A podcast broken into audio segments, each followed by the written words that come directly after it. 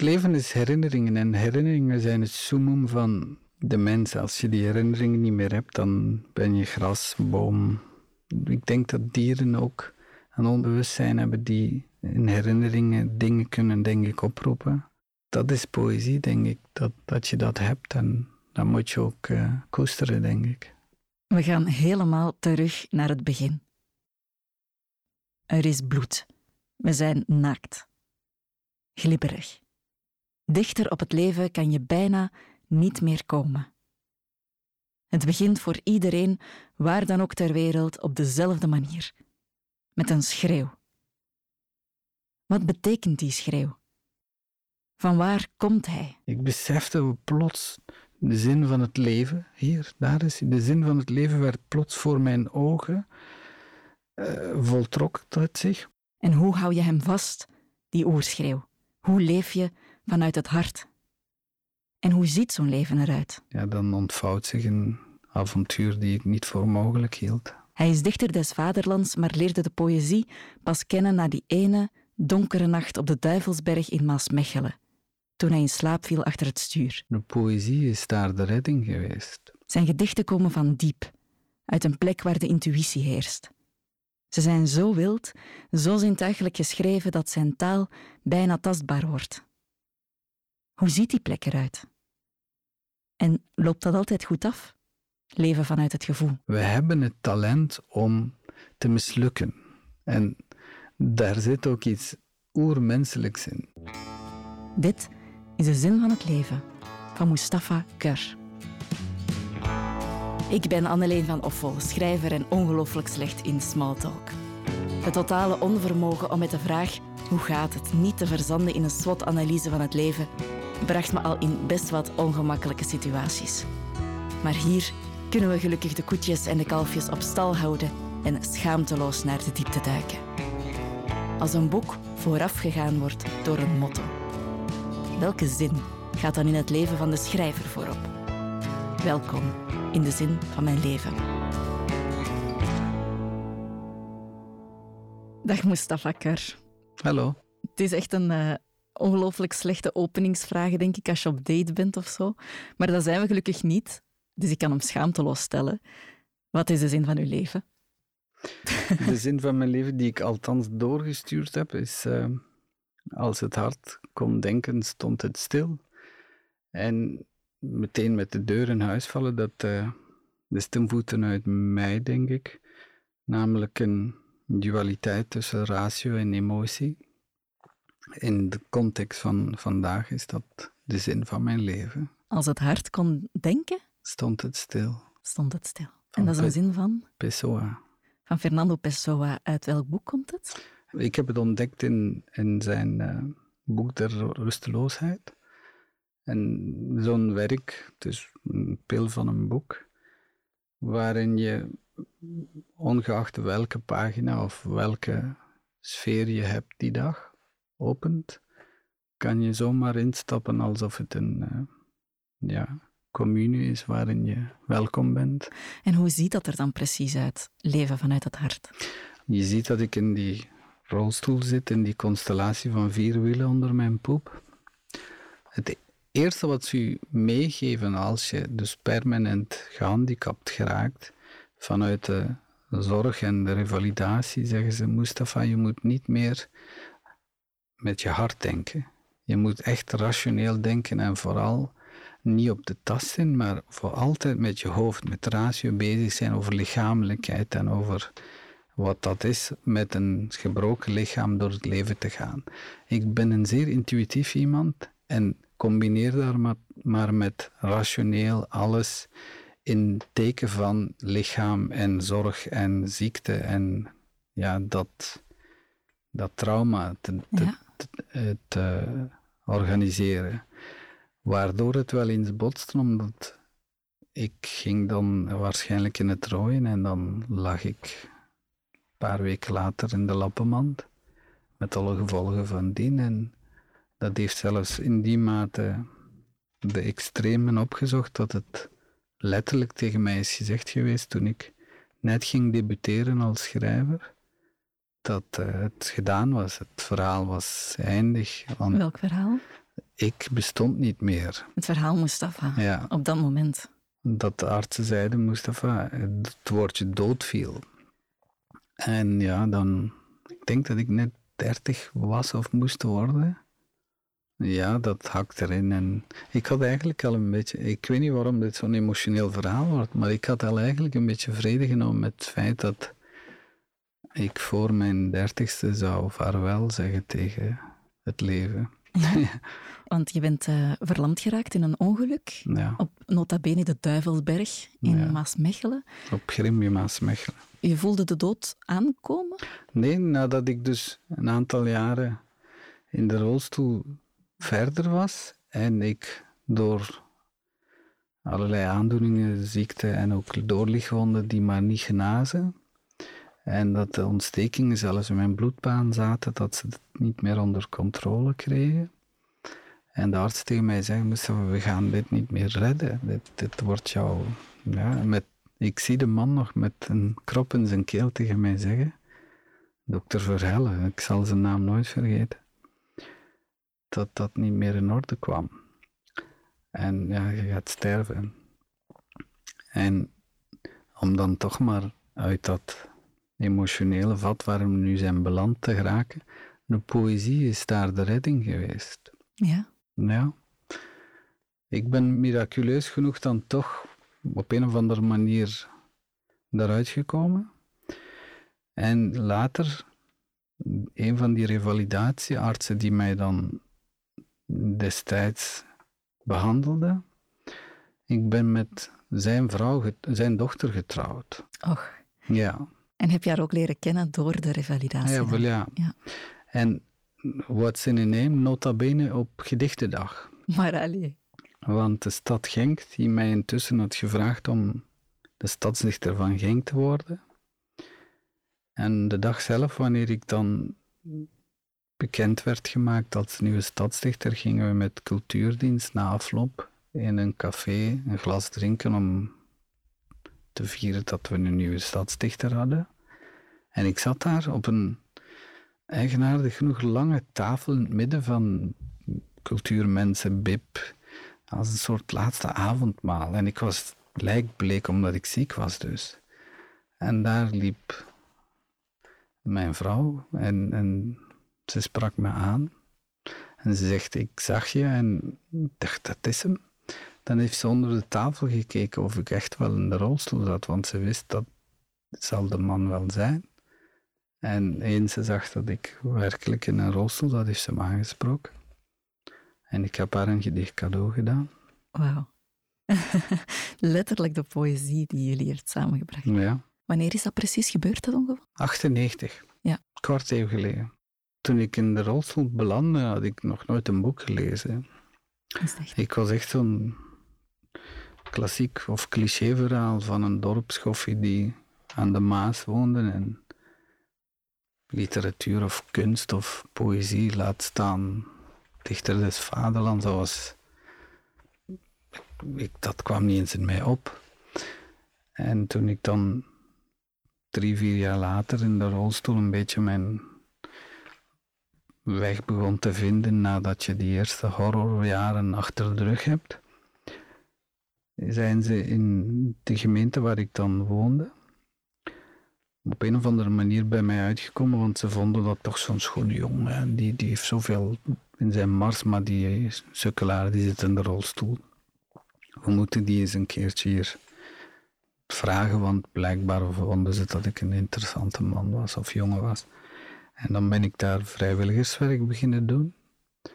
Op de afdeling dienstbetoon, waar ik dan allerlei dossiers van mensen die huisvestingsproblemen en paparassen met gemeentelijke diensten. En, en de diensthoofd daar had in de smissen dat ik toch blijkbaar iets met taal had of zoiets. Dat ik, ik sprak daar met Russen en ik spreek geen Russisch, maar op een of andere manier zag hij dat ik daar ja, aanleg voor had of zoiets.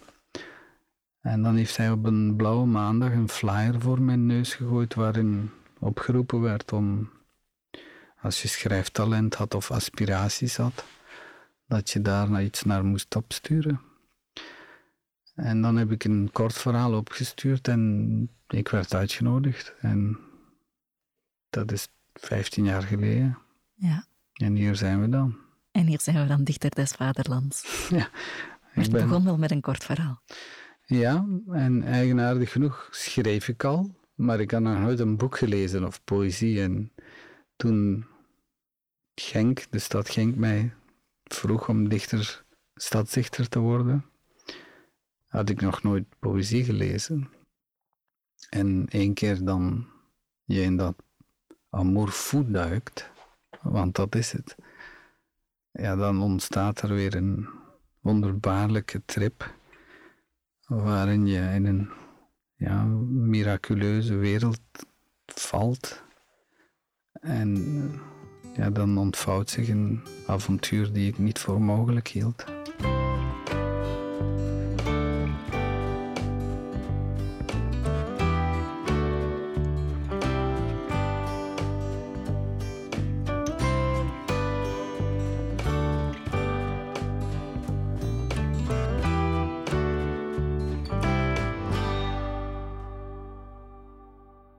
Kon denken, stond het stil. Wat betekent die zin precies voor jou?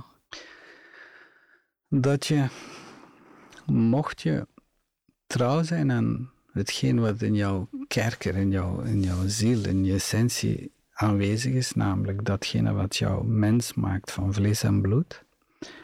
En eventjes, ik weet dat dat naïef is, hè, ratio en allerlei belangen en politiek enzovoort zou kunnen links laten liggen wat in een ideale wereld natuurlijk zou zijn, in een soort utopie, dat je dan waarachtig en engelachtig bent. En dat is een streven die we helaas vaak, te vaak naar mijn goesting laten ondersneeuwen door al die andere zaken.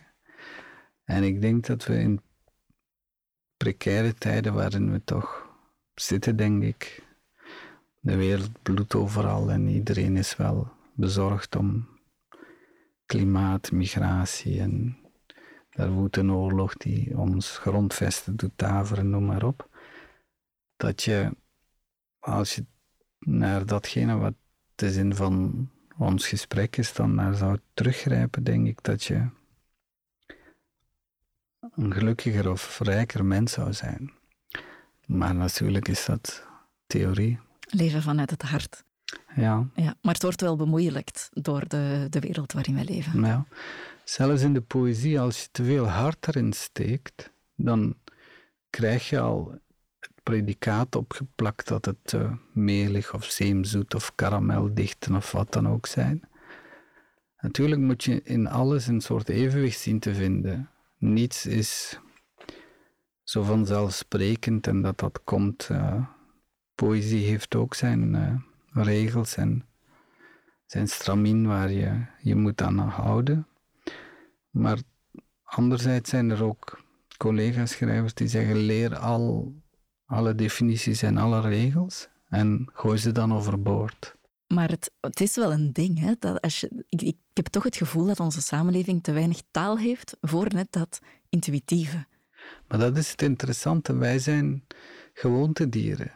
En wat ik heel boeiend, maar ook heel intriest vind, is dat wij niet meer spreken. Wat bedoel ik daarmee? Wij vertellen eigenlijk verhalen die ons zijn aangeleverd. Wij zijn maar een product van onze entourage, ouders, school, leerkrachten. Maar echt, haarfijn, kristalhelder, datgene wat jij wilt zeggen of wat jij voelt overbrengen naar jouw gesprekspartner, dat doen we niet meer. En daarin denk ik dat poëzie een belangrijke rol in te vullen heeft dat je die taligheid en die dan uit jouw essentie komt, jouw quintessens is, dat je dat kan overbrengen zodat jij, mijn gesprekspartner, tot in de treuren haarfijn weet wat ik bedoel. En dan heb je denk ik een gesprek. Zo, op voorwaarde, bij voorwaarde dat je niet dat laat kapen door welke agenda of welke reden dat, dat daar ook achter mag liggen. Ja, omdat poëzie op, toch op dat intuïtieve niveau zit.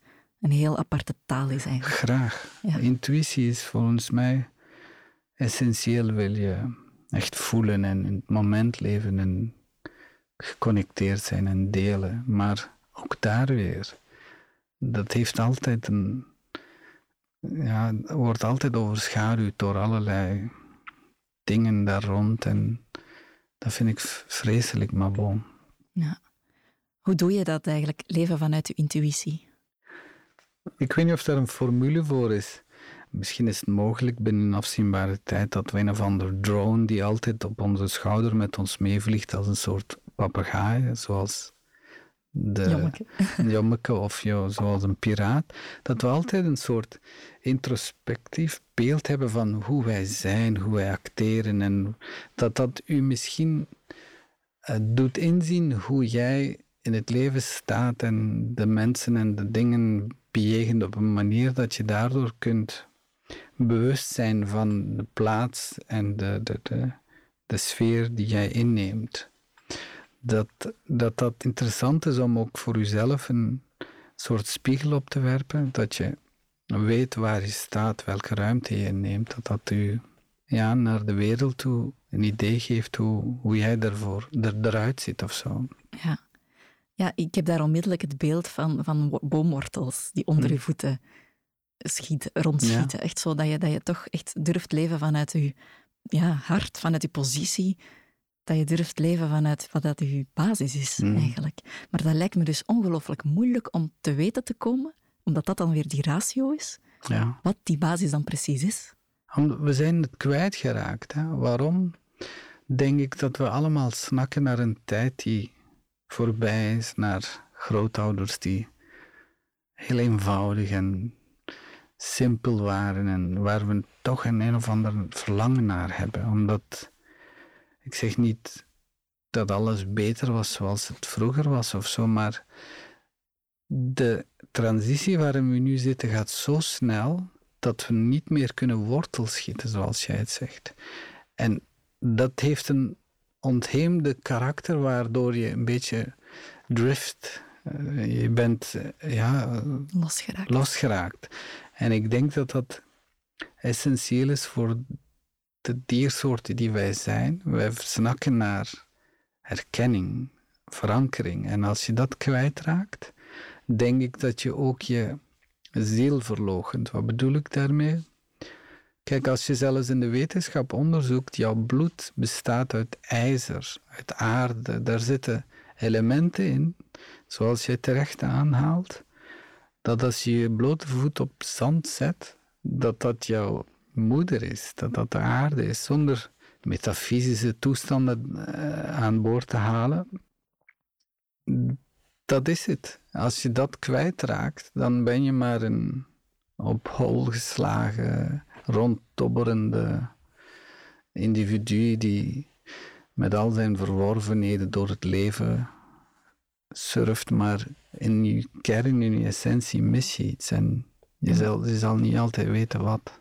En waar loopt het dan precies mis in die wereld waar dat we nu in leven? Met z'n allen doen wij voortdenderen op een pad die wij denken dat dat verlichting, vrijheden, noem maar op zijn. En, en we stemmen wetten en kiezen politici en nemen van cultuursubsidies af, noem maar op, waardoor wij niet welzijn, maar welvaart prioritair stellen. En dat is denk ik nefast voor ons als soort. Ja, het gaat altijd maar sneller, harder, voilà. consumeren. Ja. Waardoor je ook constant in een soort conflict zit met je eigen geweten. Je weet wel in je kern wat je wilt en vooral wat je niet wilt, maar omdat de machinerie voortendert, je denkt, ik moet er maar bij zijn, anders mis ik de boot, waardoor je je eigen vlees snijdt. Ik deed het altijd andersom, dat ik te veel emotie en te veel buik en, en hart was. Ik zou daar een evenwicht moeten in vinden. Ja, is er een moment in uw leven geweest waarop die spanning tussen emotie en ratio heel erg concreet werd? Het interessante, maar ook het moeilijke aan het leven is, of als, als mens, is dat je eh, niet altijd evenwicht, equilibre, zoals het zo mooi in het Frans heet. Als je die nastreeft, zal je altijd een deining krijgen. Er is nooit 100% evenwicht. En dat maakt het ook juist boeiend. Want anders zou je Walhalla gevonden hebben als het allemaal zen was. Je moet je streven hebben, maar je moet je ook daar bewust van in een marge in, in calculeren dat het wel eens een keertje naar links of naar rechts kan gaan. Maar alleen die verschillen zijn nu heel groot. Ja. En het is bijna een gemeenplaats. De rijken worden rijker en, en je ziet dat onder de Sub-Sahara-gebieden het alleen maar erger wordt. De oogsten worden verschrikkelijker en minder alle jaren. En, en wij zeggen nee, niet meer komen. En ja, zo denk ik dat we met z'n allen naar ons, ja, doem wil ik het niet noemen, maar naar ons ongeluk voortenderen of zo. Ja, ik hoor daar echt een, een vorm van vervreemding in. Hè? Ook dat en ook opportunisme, graaikultuur, eh, noem het maar allemaal op. Als we vandaag de dag mensen hebben die letterlijk zeggen dat ze niet weten hoeveel ze naast hun ja, royaal pensioen als staatsmensen krijgen, en dat het dan om 10.000 euro's gaat, dan, dan moet je je vragen stellen van wat is dit? Het is niet meer juist. Ja, en dan gaat het inderdaad over je ogen openen en plots weer zien. Ja, maar ook niet blind zijn voor de realiteit die daar buiten woedt. Dat je daar ook niet voor als een lammetje naar de slagbank moet je laten. Je mag ook weerstand bieden en ook op tafel kloppen.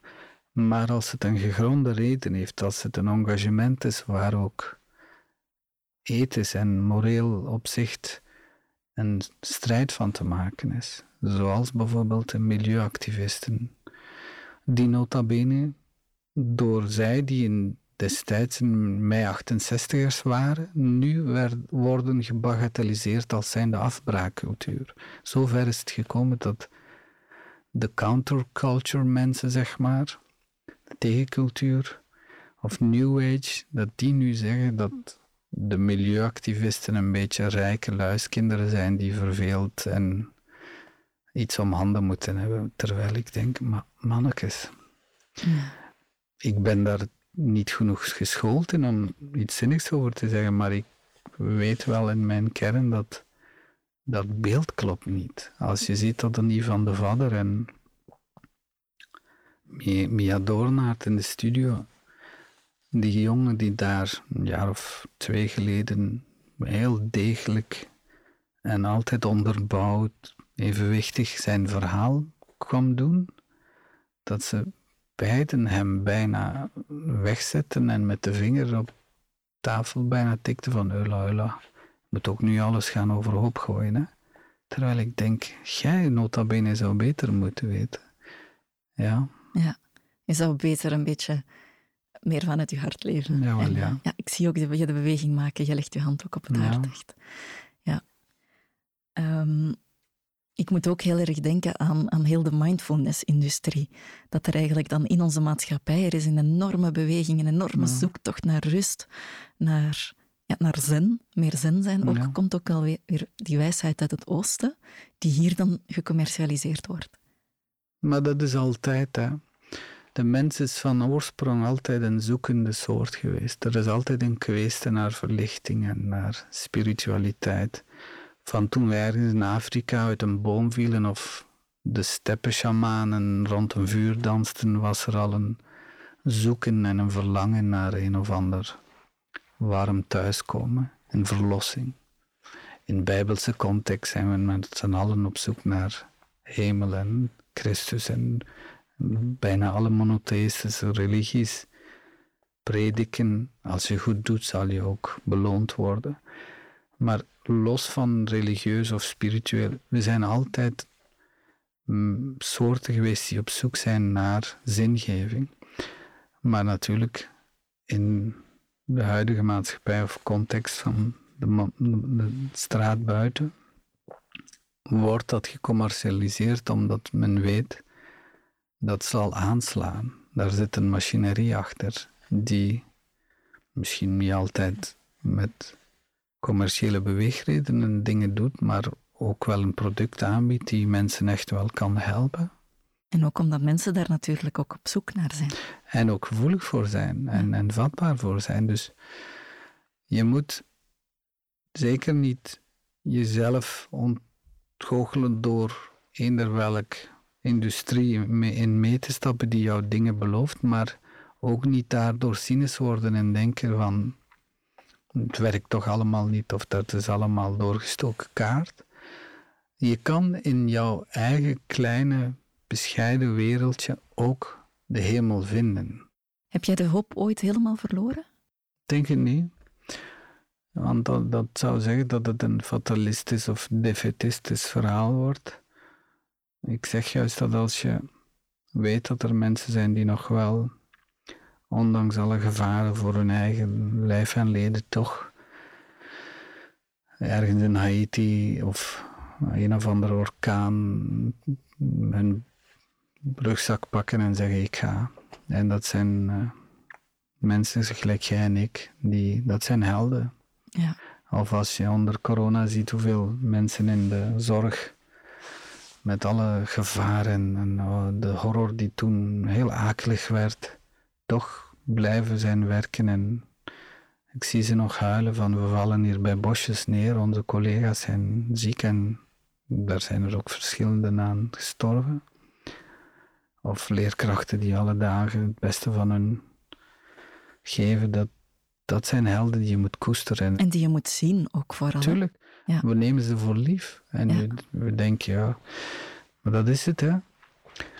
Ik weet dat het makkelijk is. Je mag appelen en peren niet vergelijken, maar een, een of ander schepen die zoveel mandaten heeft en die royaal zijn boterham verdient, verdient tussen aanhalingstekens, maar een leerkracht of een zorgpersoneel die een karig loontje heeft, dat, dat is, ja, nee, dat is een job, die moet dat maar doen. Sorry, maar... Maar het is toch bijna om je kop bij neer te leggen. Ja. Hoe blijven we daar toch in godsnaam toch die positiviteit behouden? Dat is toch heel moeilijk. Wat is het alternatief? We gaan sterven dus allemaal, waarom nog lachen dan? Ik zeg juist, er is ook schittering. Er is, zoals een goede wijn, is er een kristal in dat wijnglaasje. Er zijn ook uh, baby's. Ja. een babygeur is toch heerlijk? Absoluut, ja. Nieuw begin. Ik heb recent, of recent een tijd terug, een, een boekje. Ik geloof dat het iedereen begint in het klein heet. Ja, een verzameling geboortegedichten. Ah, ik sta daar zelf ook in. Ah, kijk. Sluikelijk reclame. Juist, sorry, mocht niet misschien. maar ik zeg daarin, uh, in is een begin. Dus uh, je moet oppassen voor het zuchten. Het zuchten is opgeven. Ja. Schreeuw, maar zucht niet. Je mag wel eens een keer uitblazen of puffen, maar niet zuchten in de, de definitieve betekenis van het woord. Van, ja, nee. Dan geef je eigenlijk op. Dat is voor helemaal op het einde. Ja. Maar we beginnen met die oerschreeuw en die moeten we vooral blijven. Want daarom, en hoe pril ook, een schreeuw is een begin en eigenlijk een ode aan het leven als je schreeuwt. Ja. Je moet nu niet gaan s'avonds aan de schelde gaan roepen van oh. maar je snapt mijn uh, metafoor. Ik snap wat je bedoelt, ja. Kan poëzie ook klinken als een schreeuw? Ja, poëzie is het wonderbaarlijke middel bij uitstek dat alle vormen en gedaantes kan nemen zolang jij maar eh, je bewust bent daarvan. Kijk, poëzie is altijd al geweest, nog voordat er talen waren. De aarde heeft ook poëzie. Alleen moet je dat cultiveren en, en zoals een muze die heel capricieus is, is niet laten vervliegen. Capteer het. En hoe doe je dat? Door zoveel mogelijk daar mee aan de slag te gaan en het vuur brandende te houden. Ja. Je hebt een gedicht ook meegebracht, hè? Zou je dat willen voorlezen? Graag. Zal ik dat nu doen? Ja. Okay.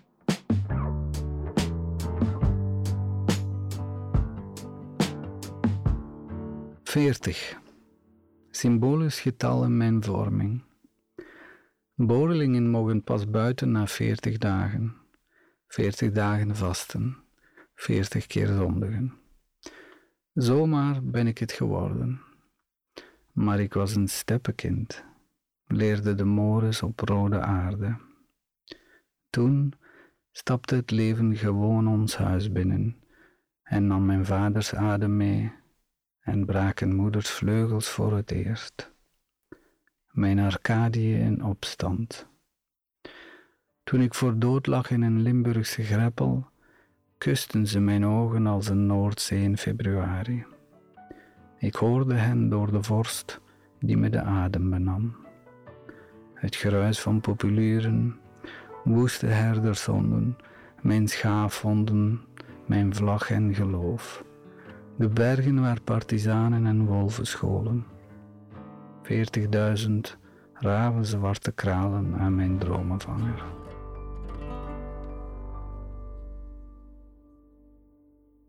Ik hoor daar jouw jeugd in Turkije in? Ja, ik ben toen ik een jaar of zeven was teruggekeerd naar dat idyllische dorpje waar dit een flart van is. En ik heb daar bijna twee jaar rondgelopen en ook ja, mee in dat pittoresk dorpje van honderd zielen groot geleefd en meegedijnd op de elementen, de natuur, de, de beesten en naakt op paarden gezeten en echt als je op een paard dat volop in galop door steppes, de wind door jaren. Ik moet nu aan Atreu denken van The Neverending Story. En we gingen zwemmen in het meer achter de berg. Zwinters lag er een meter sneeuw. De wolven die het dorp aandeden.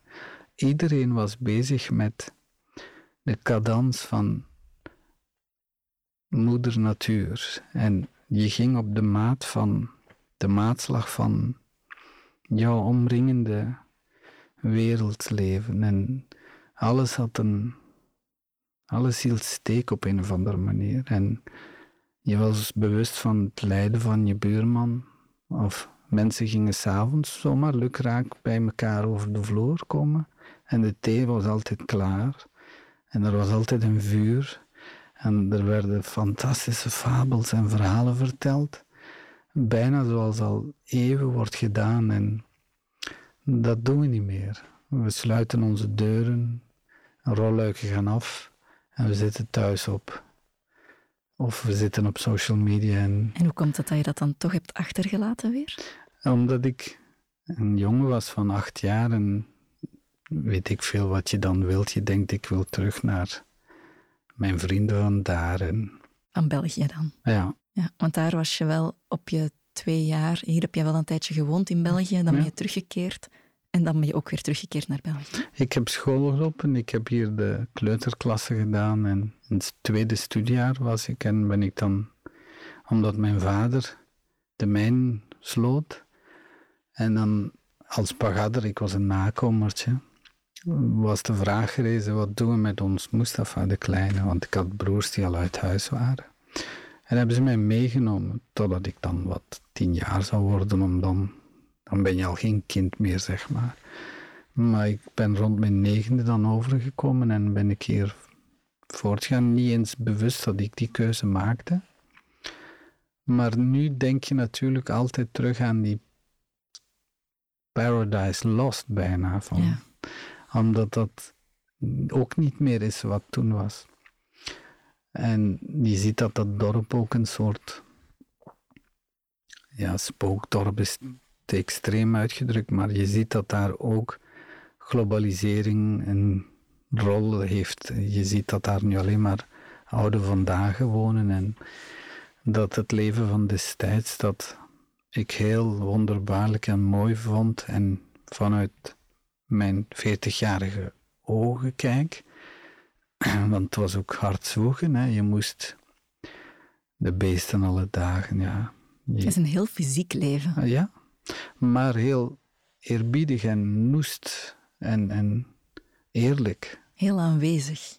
Ja, en altijd was er wel iets te doen. Als jij eventjes tijd over had, dan moest je naast de buurman helpen met iets. Of, of er was een soort ruilhandel. Of er werd niet eens gevraagd. Bijvoorbeeld de trekker, die stond altijd buiten op een groot veld. En als je, jij toevallig die nodig had, wist de buurman wel dat jij die mogelijkerwijs zou meegenomen hebben. En vice versa. Wat heerlijk is. En we doen dat nu via een app ook. Ja. En we doen in de straat, als jij bijvoorbeeld te veel prei hebt en je maakt goed veel soep en je biedt dat aan en met die voorwaarde dat jij, als jij dan een beetje later een boor nodig hebt, dat jij dan weer... Maar we hebben er wel weer een app tussen geplaatst. Ja, wel ja. Ja. En er moet ook weer iets voor in, in ruil komen. Ja. Nu, waar niks mis mee is, hè. het zou maar vreemd zijn als je altijd geeft. En Ja. ik zeg niet dat je altijd iets moet geven. Ik denk dat Khalil Gibran is die zegt: je wordt rijker als je van jezelf geeft, maar je zal pas echt rijkdom hebben als je iets geeft zonder dat het materieel is, dat je echt van jezelf geeft. Dat is een soort Olympisch gedachtegoed van meedoen is belangrijker dan winnen natuurlijk. Maar je mag ook niet het wegcijferen en zeggen, ja, dat moet allemaal met een zekere nobele inborst. Je moet ook een streven hebben, want dat zorgt ervoor dat we weer kunnen accelereren en ons overstijgen en waardoor we poëzie en geweldige ontdekkingen en wetenschap en Dat Ja. is weer die, dat evenwicht tussen emotie en ratio. Hè? I told you. Zoals ik in het begin van het gesprek al zei. Navelstaarderig, wat zich rustig tevreden bent met hetgene wat je hebt en daar ook in ja, je ja, vrede neemt. Dan denk ik dat je zowel het streven naar het accelereren en het overstijgen van het, de alledaagse, het banale, maar ook andersom, als je dat niet opzoekt, dat je in uitersten over de helling kijkt, dan kan je ook niet zien wat, eh, wat voor paradijs aan de overkant zit. Of Je moet over die rand kijken om Ja. het paradijs te zien. Ja, zelfs een beetje met je tenen. Beetje gevaarlijk ook. hè? Ja, maar zoals Icarus, die op het gevaar af van te pletter neer te vallen, is er altijd die verlangen naar de zon te stijgen en je vleugels. Ja, maar het is Ja. niet goed afgelopen met. Icarus. Ja, maar we spreken er nog altijd over. En Ja. dat geeft goede poëzie. Ja. Kijk, energie kan je maar opwekken door die extreme van links, plus en min tegen elkaar op te doen botsen. Als ze vredig naast elkaar blijven, dan krijg je geen energie. Je moet soms gensters creëren. Dat is wel een zin die mij raakt. Omdat daar ehm, de neiging is nogal groot om het intuïtieve en het, het leven vanuit het hart en dat arcadische eh, landschap, om dat te bestempelen als dat is dan waar we naartoe moeten streven. Maar waarom het mij raakt, is dat je net zegt, het is net dat evenwicht. En het, het gaat eigenlijk helemaal niet over dat nastreven, maar wel om een, een balans te vinden met, die, om, ja, met de omgeving waar we nu gewoon in leven. Ja. Want we kunnen natuurlijk niet allemaal verhuizen naar Turkije of naar het platteland. Of met je knapzak de bergen in trekken, dat is ook niet de oplossing. Gaat niet, hè?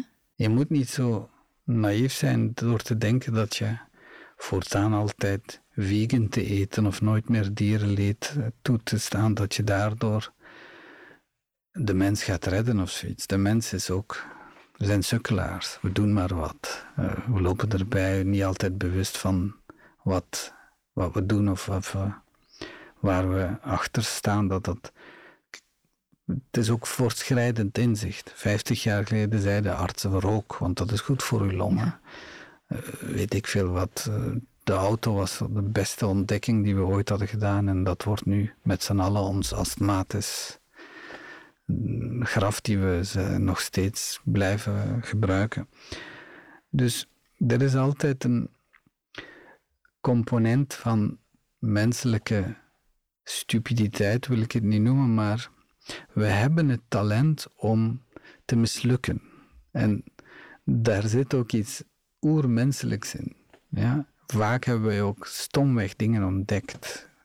Bij het zoeken naar de COVID-vaccins hebben ze toevallig uitgekomen bij een eerdere vaccin, waarbij ze dan dacht, ja, wacht eens, als we dit gaan doen. En toen hadden ze het. Dus je moet ook in het leven soms wat meeval hebben. En ook het geluk hebben dat je in een nest bent terechtgekomen waar een paar van die evenwichtige mensen zijn, die jou een aantal wijsheden kunnen meegeven. Dat is een enorm bagage en voorsprong die je hebt in het leven. Als je toevallig de pech hebt dat je ergens terechtkomt waar men niet bewust is met lichaam, geest, verlichting, verheffen naar een hoger zijn, bewustzijn of zoiets. En ook financieel niet het allemaal rooskleurig is, voortvarend is, dan word je ook zo iemand die zo zal voortleven en dat ook zal doorgeven naar zijn nageslacht. Uit onderzoek blijkt dat mensen die een ongezonde voeding en leefhouding hebben, dat hun kinderen ook groot, niet allemaal of niet altijd, maar hoogstwaarschijnlijk hetzelfde soort patroon zullen hebben. En met andere woorden, een vicieuze cirkel die, die zich daar ontvouwt. Dus je moet ook in het leven wat meeval hebben, of dat je juist op het moment dat het belangrijk is, een leerkracht of een inspirator of een coach of wat dan ook tegenkomt die jou kan ja, een, een nieuwe pad doen inslaan dat hopelijk ook juist in het verlengde ligt van wie jij bent en dat je dan daarin floreren, kan floreren. En zo ben jij uiteindelijk ook dichter geworden, omdat er iemand jou, op jouw pad zo is gekomen. Je bent zelf vader. Ja. Hoe probeer jij het leven voor te leven voor je zoon? Er is een mooie uitspraak die ik altijd zal handhaven is, je mag zoveel dingen vertellen, doe dit of doe dat niet, maar niets zal zo'n grote impact hebben op een klein kind dan zelf hetgene te doen wat jij wilt doorgeven. Je mag duizend keer tegen een kind zeggen: ga zondag naar de kerk. Als jij zelf niet naar de kerk gaat, not likely. Maar als jij, en dat met een zekere eerbied doet, daarom niet, ik, ik, ik weet niet waarom ik het voorbeeld van de kerk gebruik, maar ik bedoel zeden, moraal, morele opvattingen, dan mag je altijd zeggen dat is niet juist, dat mocht je niet doen, maar als jij dan toch wel links en rechts de kantjes afloopt, dan zal die kleine ook niet jouw woorden geloven, maar als je het uitdraagt en ook als voorbeeld en als rolmodel laat zien hoe jij leeft, dan denk ik dat dat veel meer binnenkomt. Wat wij vaak doen is ja, literatuur thuis. Schrijven, lezen. Ten huize keur is het een, bijna een rebellie als er een dag geen boek wordt gelezen. Die er is opstand. Mijn jongste is zes. Er zijn wel eens dagen dat je, je kan amper nog uit de voeten. En als je zegt, zullen we wat? Heerlijk. Hij is zes en die kan nog niet lezen. Die gaat nog, volgend jaar gaat hij naar het eerste studiejaar gaan. Maar hij, hij leest al zo letters en die vormt nu zelf woorden en die kan dan bepaalde dingen herleiden uit hetgene wat hij ziet. En hij heeft nu het concept strip, wat hij wel kent, maar nu begint hij dingen te lezen en nu begint hij in zijn beperkte vocabulaire het verhaal te volgen. En ik, zie die, die, die snakt naar kennis. Je wilt echt daarin duiken. En ja, je ziet voor je ogen hoe het leven zich voltrekt. Zo. En, en dat vind ik fabelachtig. Nodig je jouw kinderen je uit om meer vanuit het hart te leven? Ja, je staat stil bij, waar, waar, waar heb je het over, man? Kom, vergeet die deadline of wat dan ook. Kom, we gaan ravotten.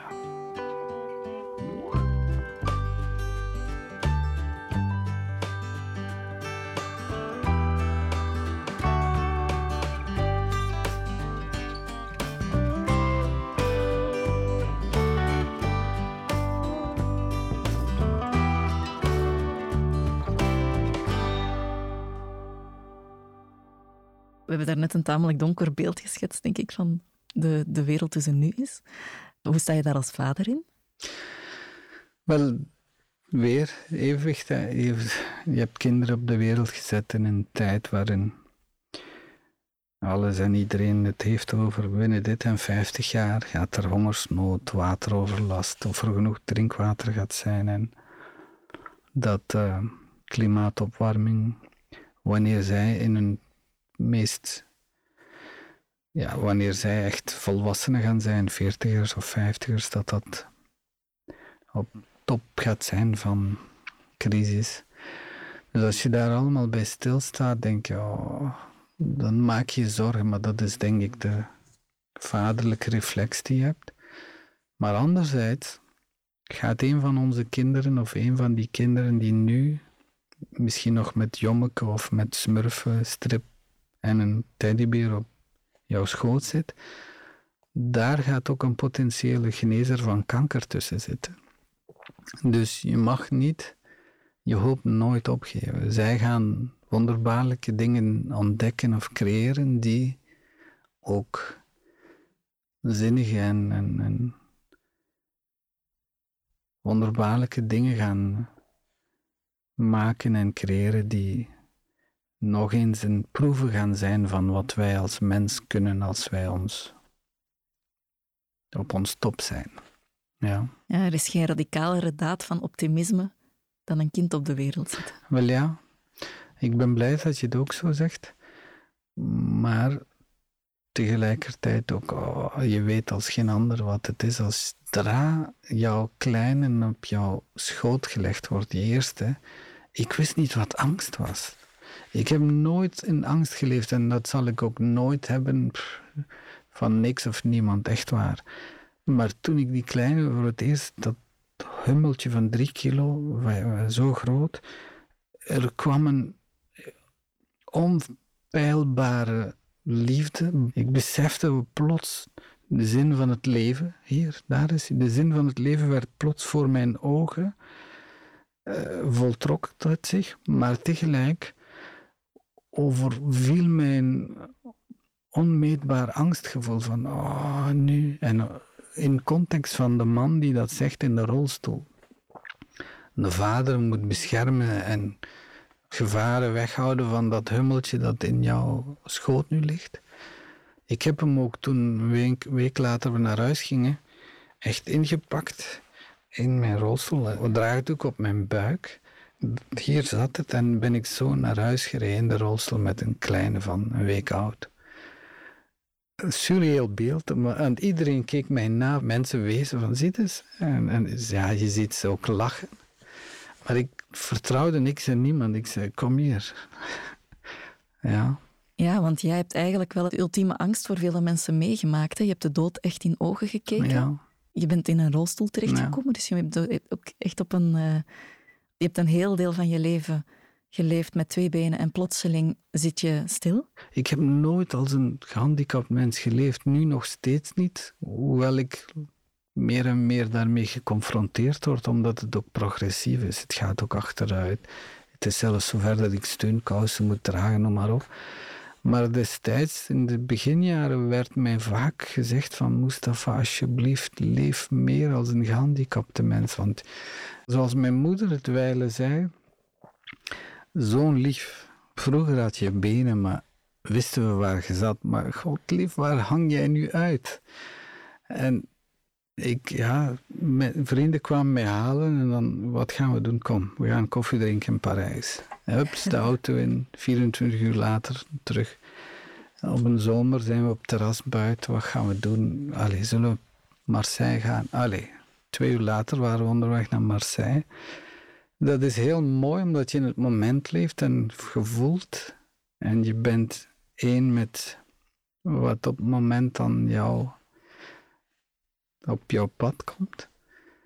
Maar nu moet je denk ik meer met die evenwicht rekening houden dat je niet altijd zomaar kunt doen en laten wat je wilt. Zeker ook omdat je nu twee van die pagaders thuis hebt rondlopen.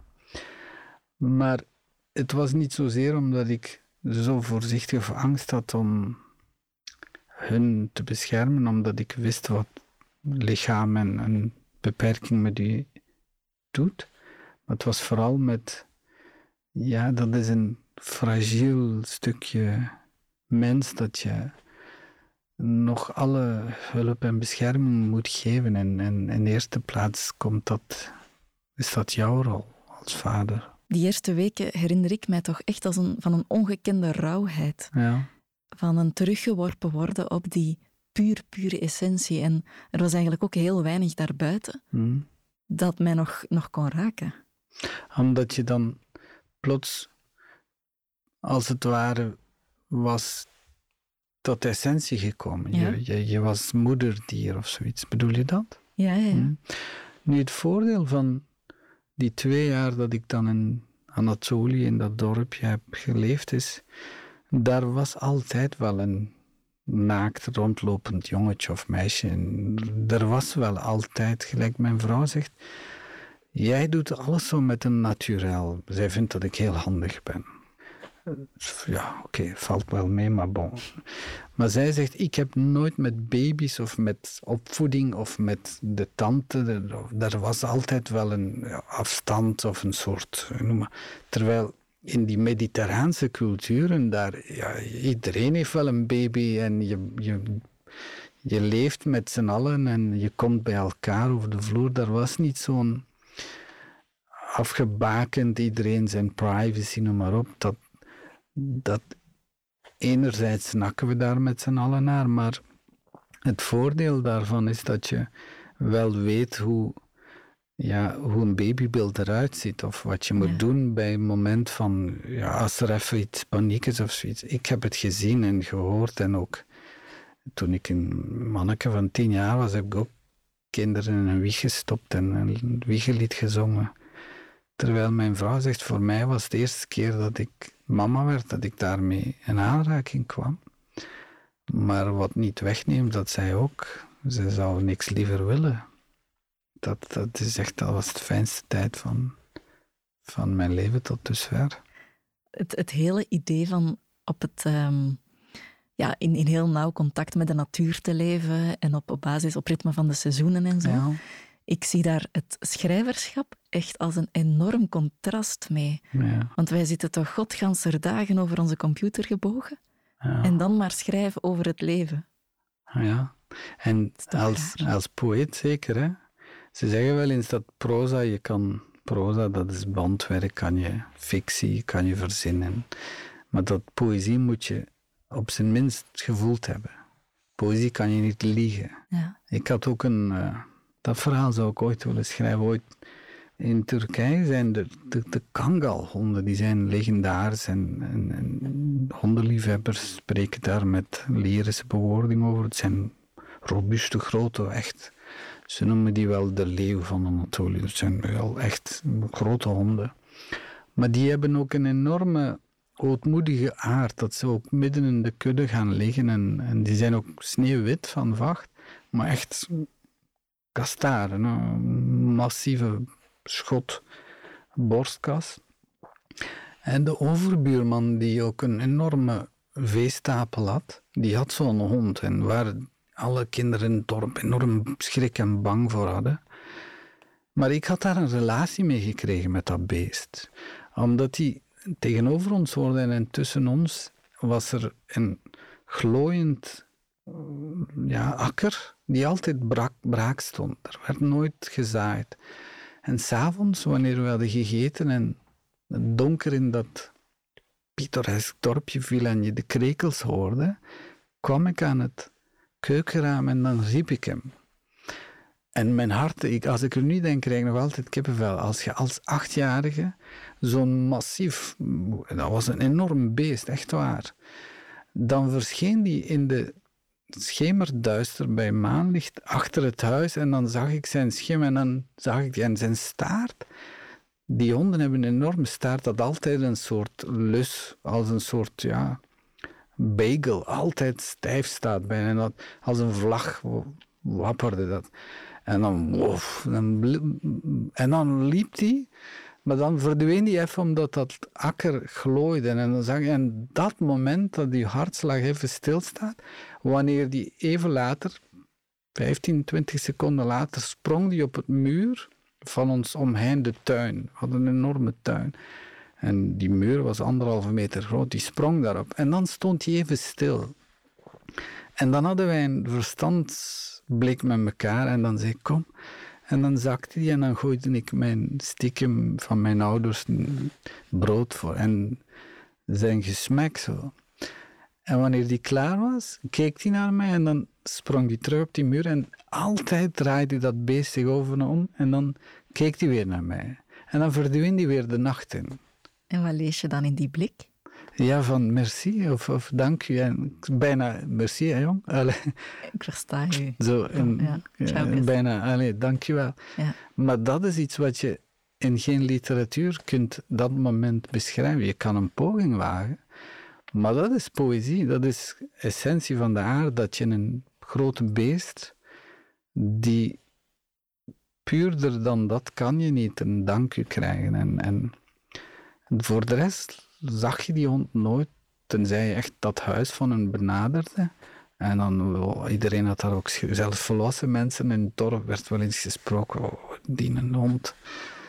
En als wij daar dan zo op bezoek gingen, dan wist ik, omdat hij mij kende en mijn stem, dan riep ik hem al op voor en dan kwam die aanstormen en dan werd hij ook door mij, mijn stem, werd hij dan rustig en dan ging die staart weer als een vlag wapperen. Ja, de taal van poëzie zit heel erg op dat onderbewuste, hè? op die Ja. blik van die hond. Ja, als je die... Ik zie hem nu voor mij en, en ik zou daar echt een soort eh, geïllustreerde boekje van willen maken of zoiets met die hond daarop. En, Maar daar hebben we dan poëzie voor, om die blik van die hond ja, te proberen vatten. ja, en ook... Het leven is herinneringen en herinneringen zijn het summum van de mens. Als je die herinneringen niet meer hebt, dan ben je gras, boom. Ik weet niet of, of ik denk dat dieren ook een on- onbewustzijn hebben die in herinneringen dingen kunnen, denk ik, oproepen. Dat, dat is poëzie, denk ik. Dat, dat, dat je dat hebt en dat moet je ook eh, koesteren, denk ik. De taal van het onbewuste. Ja, en niet zomaar denken, het is maar een, een, beest of een vis of wat dan ook. Er zijn bepaalde zwaardwalvissen die, zoals vastgelegd is, een soort ceremonie hebben wanneer er een nieuwe kalf wordt geboren in, in hun groep. Er zijn orka's ergens waar ze echt hebben ontdekt dat hun dialect verandert wanneer er een nieuwe kalf in de groep komt. Dat die echo of die, die, die klanken, dat zijn van die tics wat die doen, dat die heel anders zijn wanneer er een kalf geboren wordt. En diezelfde orka's, die kunnen ja, mensenhaaien doden, voor het plezier soms zelfs, maar die laten de mens met rust. Er is bij mijn weten nog nooit een aanval van een orka gedocumenteerd op de mens. Die komen zelfs spelen een beetje met van die board surfers. Ja. Die tikken die poort aan en dan steekt die een tong uit van... Ja, ik vind dat fascinerend. Dat is natuur en, en op maat van gevoel leven, denk ik. Zelfs als er een moederorka een, een kalf verliest, dan kan het het niet loslaten en duwt het het dagenlang voor zich uit, totdat hij uitgeput en ja, achter blijft van de groep. En dan met hartpijn aan de dieptes van de zee laat gaan. En, en dat is hartverscheurend. Dus ja, dat is ook poëzie, denk ik dan. Ja. En als we die kennis allemaal zouden hebben, We hebben dan ze, zouden we ja. weten waarvoor we strijden. Ja, maar ook af en toe is misschien stilstaan dat je zal heus niet ongelukkiger zijn als je een paar recepties mist of niet mee kunt babbelen over de laatste nieuwe Netflix-serie. Of... Dat zijn bijzaken. Je denkt dat je, hoor grootvader nu spreken, hè, bijna. dat je wat meer moet stilstaan bij de, de verhalen die de wereld ons vertelt, dat de aarde ons oproept, dat, dat we met z'n allen in onze essentie altijd al hebben gehad. Streef wat meer poëzie na dan. En hoe kunnen we de aarde horen hier als we buiten stappen en we staan in een drukke straat? Dat je vanzelf, van tijd tot tijd tot jezelf keert en trouw blijft aan wat je eigenlijk al weet. En niet altijd in je ratio denkt meteen, oké, gsm buiten en we gaan dit doen of dat doen. Of oké, moet dat? Of is dat zo noodzakelijk? Kan ik daar niet zonder? Of altijd daar waarachtig in te handelen. En niet met een voorbedachte raad of gewin, maar ook rijkdom in spirituele betekenis van het woord naar zoekt en ook selectief bent in de dingen die jou op je pad komen. Dat je kiest vanuit hart en niet altijd van ratio. En uh, als het kan ook uh, af en toe iets teruggeeft. Dit was de zin van mijn leven. Een podcast van Curieus in een productie van House of Media en ik ben Anneleen van Offel. Wil je de zin van je leven zeker niet missen? Volg ons dan op Spotify of op je favoriete podcastkanaal. Daar kan je ook een review achterlaten of tip ons aan je vrienden.